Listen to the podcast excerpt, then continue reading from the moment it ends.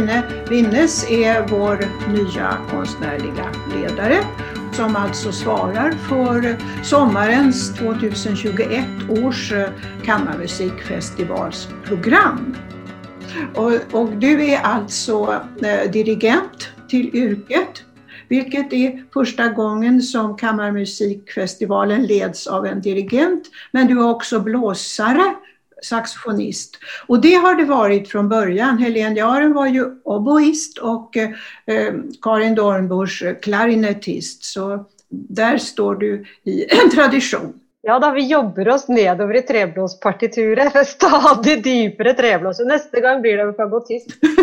Og det er jo et veldig trykk og engasjement just for blåsere eh, i Sverige nå for tiden. For det, det, har jo lenge vært snakk om denne blåsbristen som har, vært diskutert i 20 år. Og, og nå eh, er det igjen på, på trappene at man diskuterer det fordi det er så viktig for fagmiljøet at vi får en god både rekruttering, oppføring hele veien og utvikling av profesjonelle blåsere. Så, så, det er i tiden nå, og det skal bli spennende å se hvilket arbeid som skal gjøres framover. Eh, Blåsersymfonikerne, som er mitt orkester, eh, ligger i hvert fall veldig på for å være med i den utviklingen. Mm. mm. Ja, du är alltså eh, ledare för Blåsarsymfonikerna som har sin hemmascen på Gamla Musikaliska Akademin i Stockholm. Och eh, det är ju en eh, speciell orkester.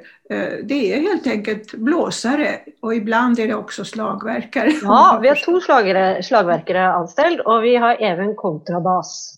Og vi er jo så mange på hver stemme i et stråk, i et stråk og blåserne i et symfoniorkester er jo bare én på hver. Mens uh, her når vi spiller nesten, nesten stråkløst, så, så, er det jo en større Framfor alt uh, treblåspark, da. Mm. Ja. Men nu vill naturligtvis både jag och eh, hela Båstad kammarmusikfestivals publik veta lite mer om dig personligen, annat än att du är norska och har gjort en fantastisk fin tv-serie för Sveriges Television som heter She Composes Like a Man. Ja, tack. Ja, jag är ju då eh, norsk, bærer eh, stort preg av det og kjenner vel at den der unionsoppløsningen, altså det funka ikke for meg. Vi kunne godt vært en union, for jeg åker over grensen hele tiden og kjenner meg etter hvert litt sånn skapsvensk. Men jeg har jo mine barn uh, her i Norge, to flikker, og derfor så åker jeg jo så fort jeg kan. Alltid hjem til dem. Ja. Men de seneste årene, mens jeg har vært sjefsdirigent i Blåsøysymfonikerne, og innan dess var jeg også i akkurat jeg blåser symfoniker som sjefsdirigent, så jeg har hatt en sterk tilknytning til Sverige siden 2013, da jeg begynte der. Og så har jeg even gått på Akis to år. Ja. Ja, jag såg det när jag, jag tittade naturligtvis efter eh, vad du har gjort tidigare och då förstår jag att du är utbildad både, både i Norge och i Sverige. Ja. ja.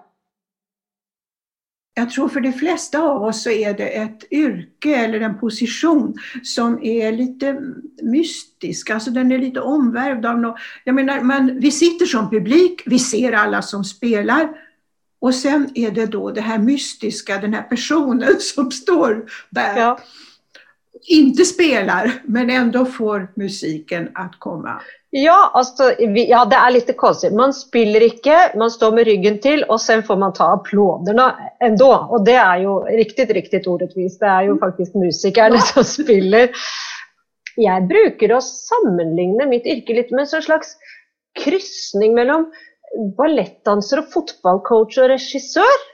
Mm. Og den fotballcoachen legger jo en strategi og står der på siden av banen og tar spillere inn og ut og sier så løp sånn og opp dit. Og det er noe med den aktiviteten som er med underveis, som er likt. Ja. Uh, og det dansante, det plastiske fra, fra, en ballettdanser som handler om rørelse knyttet til musikk. Uh, men så har vi også da regissørens blikk som, som ser verket, som skal se verket i kontekst, som skal se og tenke på hvordan alle agerer med hverandre. Slik som en regissør jobber med jus, så kan en eh, dirigent jobbe med balansering. Det er jo også en type orkesterjus, f.eks. Eller man kan plassere man kan plassere hele operascenarioet i vår tid og ta på lederjakker og kjøre motorsykkel. Det var en periode mange regissører gjorde sånt. Og på samme sett så kan jo også en dirigent, og musiker også naturligvis, eh, velge en stil innenfor Skal vi gjøre denne romantiske interpretasjonen, eller skal vi gjøre den mer stilistisk, oppføringspraksismessig, eller skal vi gjøre en Skal vi shoppe mellom stilartene? Altså man velger seg også en stil. Og så er det jo naturligvis også det at man leder levende mennesker med høy profesjonalitet. Ja. Det er jo også både spennende, og utmanende og svårt og kult på en gang. Det, det, är väl det som gör så att säga, dirigenten så liksom lite mystisk för oss uh, i publiken. Det här att uh, det handlar om att vara, som du säger, ledare, att komponera med mänskliga, uh, ja med människor och att det där är det, finns, det har kom ju ut i höstas en roman som du kanske också har läst, Kjell Westös Tritonus, som vars huvudperson ju är en citat berömd finsk dirigent. Mm. Finland producerar ju oavbrutet nya manliga dirigenter. Och kvinnliga också etter hvert faktiskt. Ja. Det gläder mig, men det har ju varit en ström av stora manliga ja. dirigenter och de har väldigt eh, stark profil på något, stark personlighet och man känner, ingen skulle våga sätta sig upp mot en sådan person. Så det, jag tror det finns den här föreställningen om att en dirigent är, är mycket kraftfull och eh, svår att säga emot. Det finns ju en hel bok som heter The Maestro Myth. Jeg vet ikke om du har lest den, Norman Lebrecht, eh, mm. som går gjennom precis det der hvordan, hvor mytisk dirigenten oppfattes. Det har jo veldig mye med at man blir plassert på det stedet Man blir plassert. ja. man blir plassert midt i symfoniorkestret. Men det er altså rett og slett bare en jobb. Ja, visst, och det är en typisk 1800-talsprodukt också, dirigenten ju, eller mm. hur? Det, det, är då den med den romantiska orkestern, den, den eh, stora, allt, stö, allt större och större orkestern under århundradets lopp. Och någon form av genidyrkan som många av oss tror jag förbinder just med särskilt senare delen av 1800-talet. Både på vetenskapens område och på konstens område så, och här kommer då den, den um, fantastiska dirigenten ja. fram. Och så kom ju det imagebygger, eh, eh, snittet kom ju in med Karajan, med jetfly ja. och supermodeller och sin frisyr. Eh, och hans skivinspelningar inte minst. Sånt att eh, det är klart att det där spisses ju också rollen på, på en eller annan måte. Men jag syns det har jeg syns vi ser en vridning også i yrket sammen med det moderne lederskapet, med, med et større mangfold. Og synes jeg, eh, Simon Rattles ja, jeg synes han er underbar. Hans ledersett er jo veldig relasjonelt, vil jeg si. Mm. Og så kommer du inn eh, fra Latin-Amerika, en eh, masse dirigenter med Dudamel i spissen. Det blir en større kjønnsbalanse. Det skaper også eh, et større mangfold. Så liksom både nasjonalitetene, jeg tenker på Alondra de la Parra f.eks. fra Mexico. tar med sitt latinorepertoar uh, ut i verden, uh, og er en kvinne på 40 år med sin stil. Eller Mirga, som mm. presis nå var i, i, Stockholm og gjorde en fantastisk uh, suksess med Kungliga Filharmonikerne. Just det. Men hvordan kom det seg nå at, du, att du ble dirigent? Jeg spiller jo saksofon. Har alltid elsket å spille saksofon. Jeg synes det var et fantastisk instrument å få. Man kan spille jättesnabbt på det instrumentet. Man kan spille alle stilarter. Man kan spille sterkt, man kan spille svakt. Mm. Uh, det eneste drawbacket med det instrumentet er at det er oppfunnet lite før sent. Mm. Så visst er jeg fortjust i fransk neoklassisisme, men hvordan skal jeg komme åt Beethoven og Brahms og Mozart og Tsjajkovskij jeg, jeg, kommer ikke åt det, ikke sant? Og så får man sitte der og håpe at nå skal vi spille Romeo og Julie, håpe at de ringer meg. Ja, de ringte en annen. Øh, La oss si Nei, ikke den heller. det var faktisk Når jeg var student, så satt jeg jeg satt bakerst i salen på Musikkhøgskolen og hadde ikke så mye orkestervane. Så jeg spilte blåseorkester da, som, som ung, men så satt jeg og så på dette symfoniorkesteret på Musikkhøgskolen, som øvde med dirigent. Mm. Så var det bare helt fantastisk. Jeg hadde aldri sett et orkesterrep. Jeg hadde jo sett orkesterkonsert, men jeg hadde ikke sett repet og den energien og alle liksom, menneskene som jobbet i samme retning. Og, og musikken, så ble jeg bare helt uh, blåst av banen. Uh, og på den tiden så var jeg også veldig interessert, jeg har alltid vært interessert i, i pedagogikk. Hvordan mennesker lærer, hvordan vi jobber som lag. Led, ledelse har alltid interessert meg. Hvordan man kan finne nøkler for å komme nye veier. Mm. Og så fikk jeg den ideen, da. At, at hvis jeg liksom bare jeg, altså jeg får ikke være med i dette flotte orkesteret, men jeg kan jo stille meg foran. Da får jeg være med! og jeg ante jo ikke hva det innebar alls. Det er jo jettebra å være litt dum, da. Da våger man jo. Så jeg bare ja, men jeg, jeg søker utbildningen, jeg. Uh, og så søkte jeg i Stockholm. Kunne ikke så mye. Jeg tror de bare så et potensial langt der bak. Men uh, jeg var nok den semste av de som kom inn, og jeg var lenge den semste i klassen fordi jeg var så uerfaren. Uh, men det er fint å være underdog. Da er det ingen som forventer noen ting. Og jeg skrev Palestrina-satser, og jeg gjorde kontrapunkt, og jeg øvde på piano, og jeg øvde på mitt instrument. Begynte å dirigere litt utenfor skolen, sånn amatørorkester og gjorde litt sånne ting.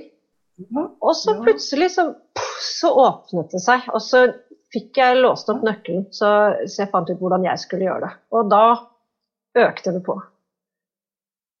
Det er det der litt grann med, som du beskriver det nå, en människa som finner sin roll eller sin uppgift i livet. Och det är inte alla, det är inte alla som lyckas med det. Så att, eh, och särskilt inte eh, liksom, sådana här mer ovanliga, det är ju, dirigentyrket är ju inte världens vanligaste, så det är väldigt roligt att höra detta.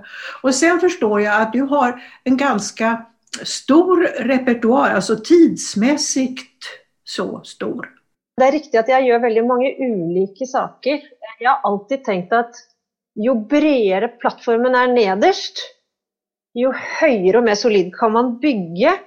Og så syns jeg at hvis man har en bred liksom, referanseramme, så er det flere ting å hente fra. Også fra andre kunstformer å utøve eh, tverrfaglig. Så en ting at, eh, Og det har jo mange dirigentkolleger som jobber med fra, fra Mozart og til nutida. Det, det, gjør vel de fleste av oss. Eh, men så har jeg jo denne da, sånn som vi norske dirigenter har. Vi er jo Eh, altså, Norge er jo blåselandet. Ja. så dere er kørelandet. Dere har kører overalt. Vi har blåse, blåseorkester overalt. Så mm. nesten alle norske dirigenter har en sånn liten oase med blåserepertoar. Eh, og det har jo jeg utviklet også gjennom mange år. Og så syns jeg det er fantastisk gøy å dirigere opera. Ja! Elsker å samarbeide med andre kunstformer, og jeg elsker sangerne. Um, og repertoaret og historiene.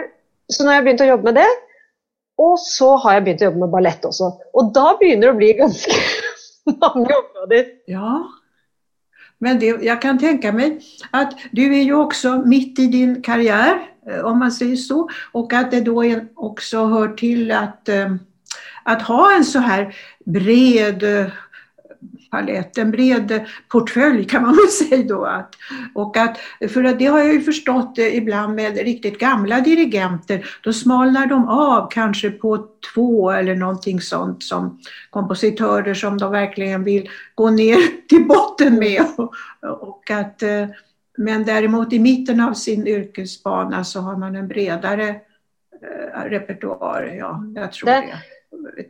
Og det kommer jo an på hva man har fallenhet for. Også jeg har kolleger som er fantastisk dyktige på nutida musikk og bare ikke sant, klarer av alt det der på en mm. gang. Og det er klart da, da blir de mye brukt på f.eks. det området, eller, eller tidlig musikkinterpreter. Og, og ja, just så, så jeg har jo kolleger som spesialiserer seg også. Jeg har bare enda ikke klart å velge. jeg klarer ikke å velge. Det er det jeg holder på med just nå, tykker jeg er viktigst og best og roligst. Og så så ble jeg otrogen straks efteråt når jeg begynner med et nytt prosjekt. Og da tykker jeg det er mer interessant. Så det, jeg får bare akseptere at sånn er det med meg. Mm. Ja, ja, ja men då, då, då kanske vi skal prate litt om sommarens program som du har eh, gjort nå for, for denne här veckan efter midsommar, den tradisjonelle kammarmusikveckan. Och eh, eh jag har förstått det, det lilla meddelanden jag har fått så är det eh, tema 20-tal med lite rösträtt och lite Stenhammar och ja, sådär. Har jag fattat? Eh, beskriv själv istället. För, för ja, jag... men du har absolut fattat rätt. Det, vi gick ju in i 20-talet nu och trodde att nu ska vi fira 20-talet. Nu blir det liksom en, en och något nytt och så kommer pandemin. Ja. Så ett år efter da, som vi kommer inn i 2021 nå, så tenker jeg men vi skal feire det nye tiåret. Og da gjør vi det både med blikket framåt og med blikket bakåt. Mm. Så det er et sett å fortelle musikkhistorien på, er egentlig bare å se hvor er vi liksom i 2020, 1920, 1820, 1720-tallet. Ah, um, ja. Og da starter vi første dagen i 1720-tallet. Ah. Skal jeg røpe allerede nå? Er det lov? Ja, når, når våre venner hører denne poden, da er programmet sluppet, er det ikke det? Jo, det tror jeg sikkert, men det tar litt tid innan det her kommer ja. ut. Så. Ja, men jeg, jeg sier alltid hopp. Ja. Altså 1720-tallet, da tenker jeg på Händel og Bach og grabbarna. Eller hur? Ja. Og hvis du har Bach i den ene enden av skalaen, så har du Couperin i den andre enden. Ja. Och Konsert og uh, Copenhagen kommer og gjør et utrolig spennende program hvor de setter just de to her opp mot hverandre mm -hmm. i, i, nye arrangement som er uh, gjort spesielt for ulike besetninger som de kommer med. Og, og dette programmet har de satt sammen til oss for å gi oss en følelse av hva som rørte seg der i musikklivet på 20-tallet. Fra de franske triller og kruseduller til uh, Bach mer uh, og, og, kirkemusikalske touch. Cellosuitene kommer jo også på denne tiden. Just det. De får vi ikke høre, men vi får høre en nutida komposisjon som er svensk, hvor Bach-suitene titter gjennom. Det skjer ikke med Konsert for Copenhagen, men det skjer under festivalen. Ja, ja. Og så kan man jo tenke seg da, Barbro, at man sover eh, en natt, eh, og da blir det som mm. Tornerose. Det har gått 100 år våkne igjen. 100 år, ja. Ja. så vaknar man och då är det 1820-talet och då är Ja, och då är det lite Schubert till exempel mm. och det är också Beethovens sista år mm. i livet. Och, och så är det, eh, som jag tänker på ganska mycket, har jag fel, romanssång som börjar då, alltså sången.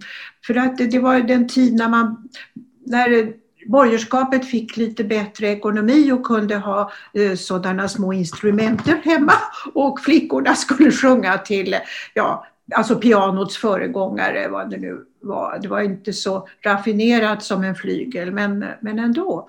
Eh, har jag fel? Nej, det, och det är akkurat det vi har lust att visa för. Precis det du säger där. Beethoven är ju otroligt spännande på slutet. Så innovativ och överraskande. Och älskade Stenhammar-kvartetten kommer och spelar Opus 130 mm. med Gross. Ja, det är ro, ro, roligt att höra. De har ju varit hos oss i Båstad förut två gånger mm. tror jag. De, de, äh, äh, de tycker vi Ja, de är populära i Båstad, äh, Stenhammar-kvartetten. Och jag tycker det är roligt att spela just det här opuset, för Grosse Foge pekar ju också bakover mot Bach som vi har hört dagen mm.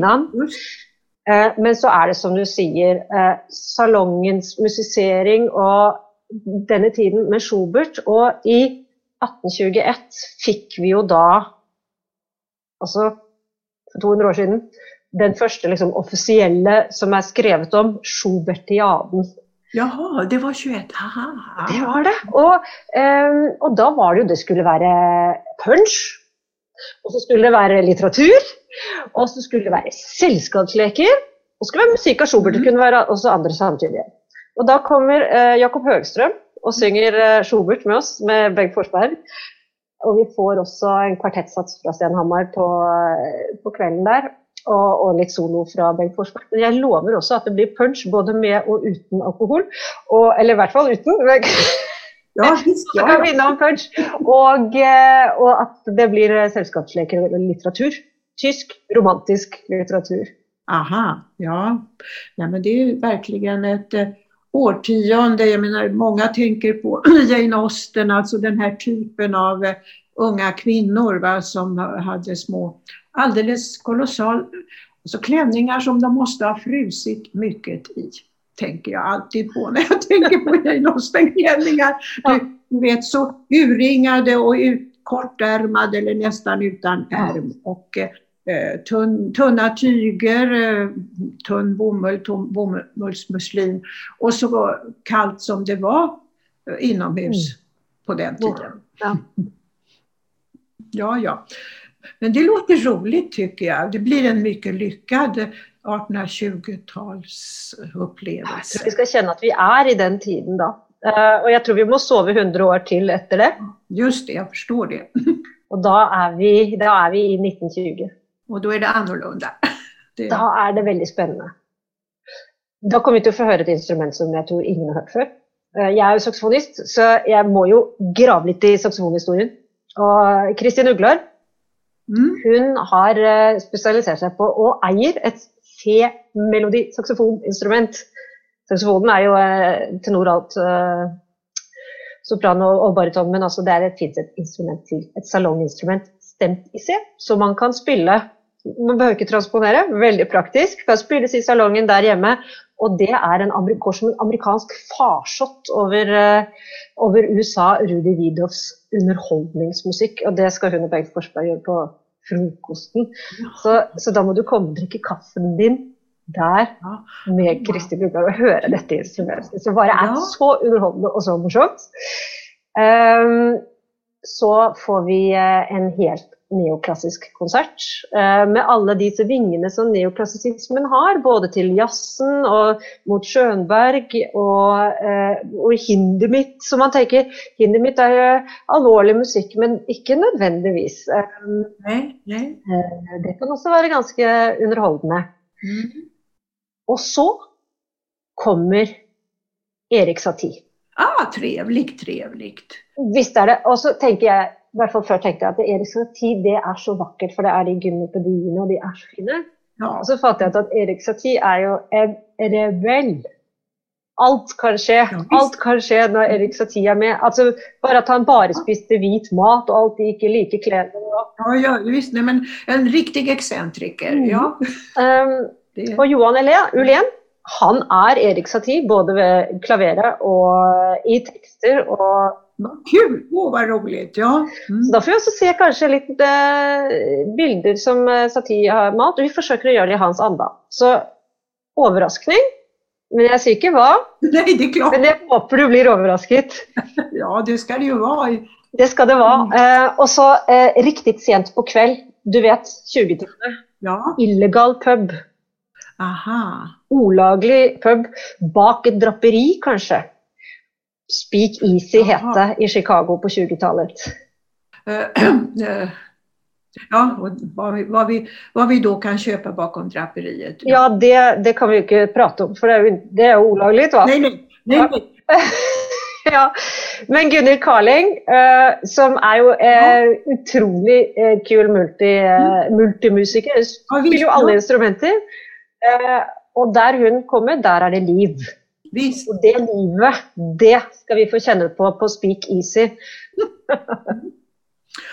det låter mycket lockande det där, det tycker jag och jag tror att du har lyckats att eh, liksom binda ändå hur, hur, hur stor skillnaden än är 1720, 1820, 1920 så känns det som det nog det verkar ju hänga ihop i alla mm. fall. Og det går jo sånne røde tråder imellom eh, hele tiden. Ja. Du, du, nevnte jo Stenhammar, og det er jo kommer, Det er så mange jubileer i år, vi er nødt til å ta dem. Ja, det er veldig mange, har jeg også ja. merket. Og ikke minst på musikområdet. Selve Musikaliske akademin feirer jo 250 år Og, ja, Stenhammar det, det er 150 ja. Mm. Så Stenhammar kommer att spela. Stenhammar Mm. Och Kristina Nilsson kommer att synge repertoaret till Kristina Nilsson. Utmärkt! utmärkt. Ja, det är hundra år sedan Kristina Nilsson dog.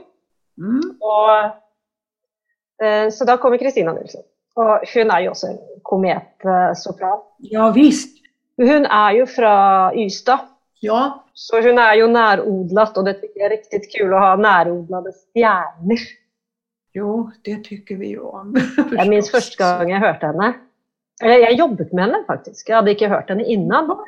Og hun skulle synge ur Åbro. Hun, jo, hun er jo fortfarande ung, men da var hun riktig ung. Og det var med Norrköpings symfoniorkester. Så kommer den unge kvinnen inn. Hei, og er helt nedpå Ja, skal synge. Og så åpner hun munnen. Hele orkesteret bare Åh! Og det var fantastisk. Og jeg behøvde knapt balansere, for hun var gjennom alt. Og da tenkte jeg man får bare snabba på og booke henne før den sjansen går ifrån oss. Nej, men hon, hon har ju fått en väldigt snabb start faktiskt på sin karriere. karriär. Och det, nu kanske det har blivit ett uppehåll det här året. Det, det är ju väldigt oroande faktiskt för många unga artister som inte har kunnat ja, göra något. Eller för, så unga artister som just i, man behö, de behöver ju kontinuerligt få spela eller sjunga och ha, ha publikkontakt. Ja. Och, Og jeg er even også bekymret over studenter. Jeg jobber jo på Musikkhøgskolen i Oslo og, og tenker at eh, det er et år av deres liv som er så viktig. ja, Jeg tenker på det jevnt, måste jeg si. Og hvordan de skal løse det. Og de er tapre. Og når vi vel kan ha fysisk undervisning, så eh, de mobiliserer og de, eh, de jobber hardt. eh, Og de får seg hele tiden et slag og står opp igjen. Så det, ja, jeg, jeg håper nå at vi ser slutten uh, på denne mørke tid. Ja, det, Nei, det har jo Det er jo det her at altså, For unge är eh, både de som går i skola och just har kommit ut i yrket så är ett år väldigt lång tid. Det är annorlunda för den som är mitt i sitt yrke. Då spelar ett år inte samma roll. Ja. Mm. Elände, elände. Ja, men jag vet ju också att eh, du har tänkt att ta upp ett annat hundraårsjubileum, Mm. nämligen Sveriges, Sveriges eh, ja, demokratiska genombrottet, det vill säga att Sveriges kvinnor äntligen fick politisk rösträtt och kunde rösta på hösten 1921. Precis. Ja, och det finns ju lite musik som hör ihop med kvinnorösträttsrörelsen också. Absolut. Um, jeg tenker jo sånn uh, I allmennhet tenker jeg på Essel Smythes 'March of the Women', Ja. som er uh, komponert til suffragettebevegelsen. Den spiller vi ikke, men vi spiller uh, musikk av Ethel Smythe, For vi har egnet en hel dag til røstrettsjubileet. -hmm. Vi, uh, vi angriper det fra ulike hold. Mm. Og på formiddagen sånn, Du ser i festivalen så har vi dels disse klassisk eh, oppbygde konsertene som er. Slik man er forventer at en konsert eh, skal være. Og så har vi som er litt mer formelle, og så har vi en gruppe konserter som er litt mer uformelle. Og der var jo da Speak Easy og, og Schubertiaden. -hmm. Og så kommer også Chaminade Klubb. Ja, kul, ja. Ja, för det där var ju ett fenomen i USA. Ja, jag tror det spridde sig inte alls till eh, Norden. Det var någon enstaka person, men det blev aldrig någon sådan. Men däremot var det ju en stor eh, rörelse i USA, de här klubbarna. Och de finns kvar har jag läst på nätet i alla fall. Ja. Och, och, och, eh, och att de, de syftar ju till att uppmuntra kvinnor att musicera. Og, eh, og, og, denne, dette, altså jeg tenker på Chaminade fikk litt sånn superstjernestatus da, på den tiden. Reiste rundt og spilte mye og turnerte. Og, og disse Chaminade-klubbene hvor man kanskje diskuterte røstretten eller, eller broderte litt, eh, drakk litt kaffe, hørte litt kammusikk og beundret sånn allmenn Chaminade-beundring. Ja, just det. Jo, lite fan, fanclub alltså för det, på det sättet. Men också med, med lite vidare, som du säger, lite vidare repertoar. Re, medborgerliga rättigheter för kvinnor, rösträtt och, och sen också att stödja och uppmuntra kvinnor som studerade musik. De hade ju konserter och, och för unga kvinnor och med stipendier och sådant. Så det, det tycker jag det är väl värt också att presentera det för en svensk publik eftersom det de här chaminadklubbarna inte alls är kända i Norden. Da får jo Norden kanskje sin første Chaminade-klubb, i hvert fall i moderne tid, da i Båstad til sommeren. Um, og Da får vi jo høre selvfølgelig musikk av Chaminade og, og av Alma Mahler, også hennes sanger. Veldig spennende musikk. Jo. Och det, det, hänger ju också ihop med det, det här amerikanska fenomenet eh, stjärn, stjärndyrkan, eller vad jag ska säga. Jenny Lind var ju enastående som du vet i sin tid när hon turnerade i USA och Kristina eh, Nilsson då, den gamla Kristina mm. Nilsson.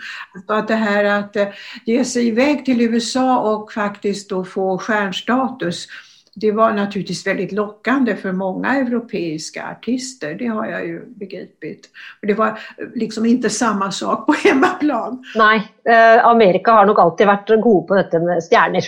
ja, ja, det var stort, det kunde bli stor publik, det kunde bli stora pengar ja, framförallt. Allt, allt är stort. Eh, men jag får säga en ting till som jag tycker är lite stort och det är att vi också får tre uroppföranden den dagen. Mm -hmm. Av tre svenska kvinnliga tonsättare. Bra! På, på ettermiddagen der. Så det er jeg også veldig. Eller på kvelden er det. Det er jeg også veldig, veldig spent på. Mm. Ja visst. Ja, men för det, det, det er jo også et ganske ferskt fenomen egentlig, at vi nå i Sverige har en rett mange kvinner som skriver musik som spelas og som blir omtykt og oppskattet. Det er jo rett og slett fordi det er høyt nivå alltså. Og jeg, da jeg studerte på Akis, så la jeg merke til at det var høyere tetthet uh, av kvinner på mm. komposisjon enn det vi hadde uh, i Norge. Mm. Og den trenden har bare fortsatt. Og så er det jo den nå medvetne programpolitikken som gjør at man er opptatt av at det skal sikres et uh, mangfold, og det bærer jo frukter. Så å ta fram tonesettere som er kvinner mm. i innenfor det nutida repertoaret er ikke svårt alls. Mm. Det går hvor lett som helst. Ja, og, og der har jo også Båstad en tradisjon. Eh, I princip varje år har det jo vært en, hva skal jeg kalla det, tonsettergjest til festivalen. Eh, det har naturligvis ikke alltid vært en kvinne, men veldig mange ganger vært en kvinne. Sofia Gobaidolina har jo vært i Båstad.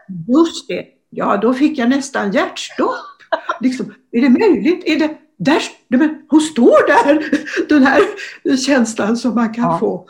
Det var mycket underbart. Och, och eh, Kaja Sarjao, den finska kompositören, har varit hos oss. Och, och, och, och eh, vi har haft eh, norsk gäst. Nu ska vi se, Maja Ratke, mm. tror jag hon hette. Ja, det är många namn som jag inte kommer på så här, för det, det dröjer alltid så länge altså. Alltså, Maja Ratje, hon har ju markerat sig väldigt eh, starkt här i Norge. Och frågade jo eh, liksom, hur blir man dirigent. Och, eh, jag hade också väldigt många förebilder på kvinnosidan eh, där jag tänkte att ja, men det ska jag bli. Men Maja Ratje studerade komposition i Oslo ja. där jag studerade saxofon. Og da minnes jeg, for Hun var så markant og fargerik og spennende, så tenkte jeg at men hvis hun kan være komponist, kan jeg være dirigent? Kan jeg ikke det? ja! Mm. Nej men verkligen. Och hon var, jag minns också att hon var mycket uppskattad av publiken den veckan. Både den musik hon framförde och som person. Ja. ja. Jag kommer inte ihåg vilket år det var men ja, men vi har jo et jubileum til. Piazzolla. Är det hundra år siden han fødtes. Mm. Og jeg trodde at han var mye eldre. Ja. Han studerte jo for Nadia Boulanger. Ja. Og stod der med luen i hånden og ba, forsøkte dølje at han egentlig var tangomusiker fra Argentina og spilte på mørke klubber, bandoneon. Mm. og så han forsøkte jo å skrive disse Bach-fugene, eller gjøre den klassiske kunstmusikken, og da sa jo Nadia Boulanger til han att Vis meg hvem du er. Få høre din musikk. Hva kommer du fra? Hvem er du? Det er det du skal bruke. Det er det du skal anvende. Uh, og så kom disse, disse tangoene ut. Og så revolusjonerte han uh, hele tango, den argentinske tangoen, tango nuevo. Og det, den musikken er vel kanskje noe av det som trigger meg mest i denne verden. Det er å høre skikkelig bra tangomusikk som svinger. Det, det har alle, alle, komponenter. Man kjenner at man lever. Det er mye, mye sterk og, och uh, lite hjerteklappende. om jag får Det setter i blodet. Det gjør det. Uh, och så får jeg også litt hjerteklapp av Per Arne Glorvigen. Ja. Han er en sånn musikantisk musiker som man iblant kommer uh, over noen av disse som har den spesielle musikantiske stilen. Uh, mm. Og han er jo en stor maestro på bandoneon internasjonalt, uh, bor i Paris. Mm. Men er jo da norsk, fra Dovre, tror jeg. Så, og han, han, gjorde, han, var jo med og gjorde sånn Gidon Kremers tangospill kjent. For det, det var jo honom Gidon Kremer ga ut sin tangoskive med. Aha, oh. de, de to er gode venner. Og Per Arne Glorvin kom jo til oss. Ja, ja vad spennende. Ja, det är ju också ett sådant där instrument och en stil som, som man inte omedelbart förknippar med kammarmusikfestival. Nej, och det, det som är Nej. gøy med festival, det är ju da att uh, under fanen kammermusikk så kan vi utvide ekspandere ideene våre. Og, og, han er jo også tonsetter, så han, vi får jo også høre hans tangoinfluerte tonesetterstil. Eh, og sammen med Johan Ulén, som skal spille seg tid, men det er klart vi må høre han som tonesetter også. Og tror du ikke han har begått en tango, da? Mm. Så her henger ting i hop, ikke sant. Ja. ja. ja. For, hvordan er da din egen eh, til... till kammarmusiken? Kammarmusiken har ju ingen dirigent. Det är, liksom, ja, det är det som skiljer den från... Det är därför jag, det är därför jag upphöjer eh, kammermusiken som vansinnigt, Barbro. det är den riktiga musiken. Nej, men det, och kammermusiken är fundamentet för allt, tycker jag. Alltså, men också för orkesterspelet. Det är ju kammermusikken. Samspill samspel med varandra. Jeg har spilt kammermusikk så lenge jeg kan huske. Saksofonkvartetten er en ganske etablert eh, ensembleform. Og alle som spiller klassisk saksofon, de, de gjør det. Og Visst. har veldig mye glede av det. Og det ligger også til grunn for eh, hvordan jeg jobber som dirigent. Er at jeg har spilt mye sammen med alle andre gjennom alle tider. Men det er klart at gjennom mitt eh, liksom, profesjonelle liv så har jeg alltid utforsket orkestermusikken, og derfor er det utrolig gøy for meg, for meg personlig liksom, å få dykke ned i også kammermusikken og, og komplettere arbeidsfeltet mitt. Da. Mm. Mm. Du har ikke innbudt eh, noen saksofonkvartett? Nei. Ikke i år, men kanskje neste år? Det kan komme, men altså Kristin Uglar kom jo med, mitt, eh, med sitt uh, C-saksofoninstrument. Og det er jo litt gøy istedenfor da å ha den tradisjonelle kvartetten, at man da kanskje får et perspektiv på saksofonen som ingen hadde. Nei, just det. Og som er tidsriktig. Ja, ja. Det er jo et instrument som er kammermusikalisk. Ja, uh, i høyeste grad. Og det fins jo orkesterrepertoar også, men det er som sagt ungt og ikke så mange verker. Det koster jo penger skal man ha inn en saksofonist, så det er best å skrive uten. Men, men, det er jo et instrument som figurerer i ganske mange forskjellige eh, former. Den, den, klassiske kunstmusikken, men også naturligvis jazzmusikken og popmusikken. Mm. Ja, Katrine, er det noe som som vi borde ha pratat om som absolut är jätteviktigt? Eller ska vi börja tänka på att det här poddavsnittet eh, ska ta slut? Och eh, det vi brukar försöka illustrera poddarna med eh, något musikstycke och, och då undrar jag om du har något förslag som vi eventuellt kan hämta från någon inspelning någonstans? Ja, för jag kan ju inte begära, eh, ibland har vi ju kunnat göra de här poddarna i studion i eh, Båstad och då har det ibland gått att ha med ett instrument. Ja. ja. Men så är det ju inte nu, nej, nej. Så har du någon, någon, är det någonting som borde kunna illustrera sommarens festival? Jag har en idé och den är lite udda. Men eftersom dere får høre alt så vi må jo spare alt Beethoven, Schubert og alle de fantastiske tingene. må vi spare til dere kommer, publikum. Men når vi har hatt et uh, mørkt og introvert og asosialt år mm. Nå kommer vaksinene, nå kommer juset. Jeg ser fram til skånske strender, eh, sandstrender, varm luft og kammusikk og glade mennesker. ja. Og da tykker jeg i riktig 20-tallsanda så tykker jeg vi skal høre 'Happy Days Are Here Again'. Ja, bra! takk. takk for det her. Takk. I like måte. Tusen takk.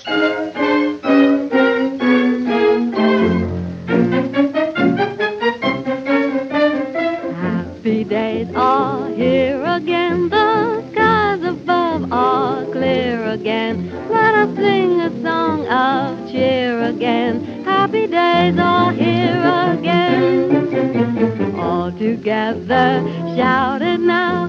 There's no one who can doubt it now. So let's tell the world all about it now. Happy days are here again. Your cares and troubles are gone. There'll be no more from now on.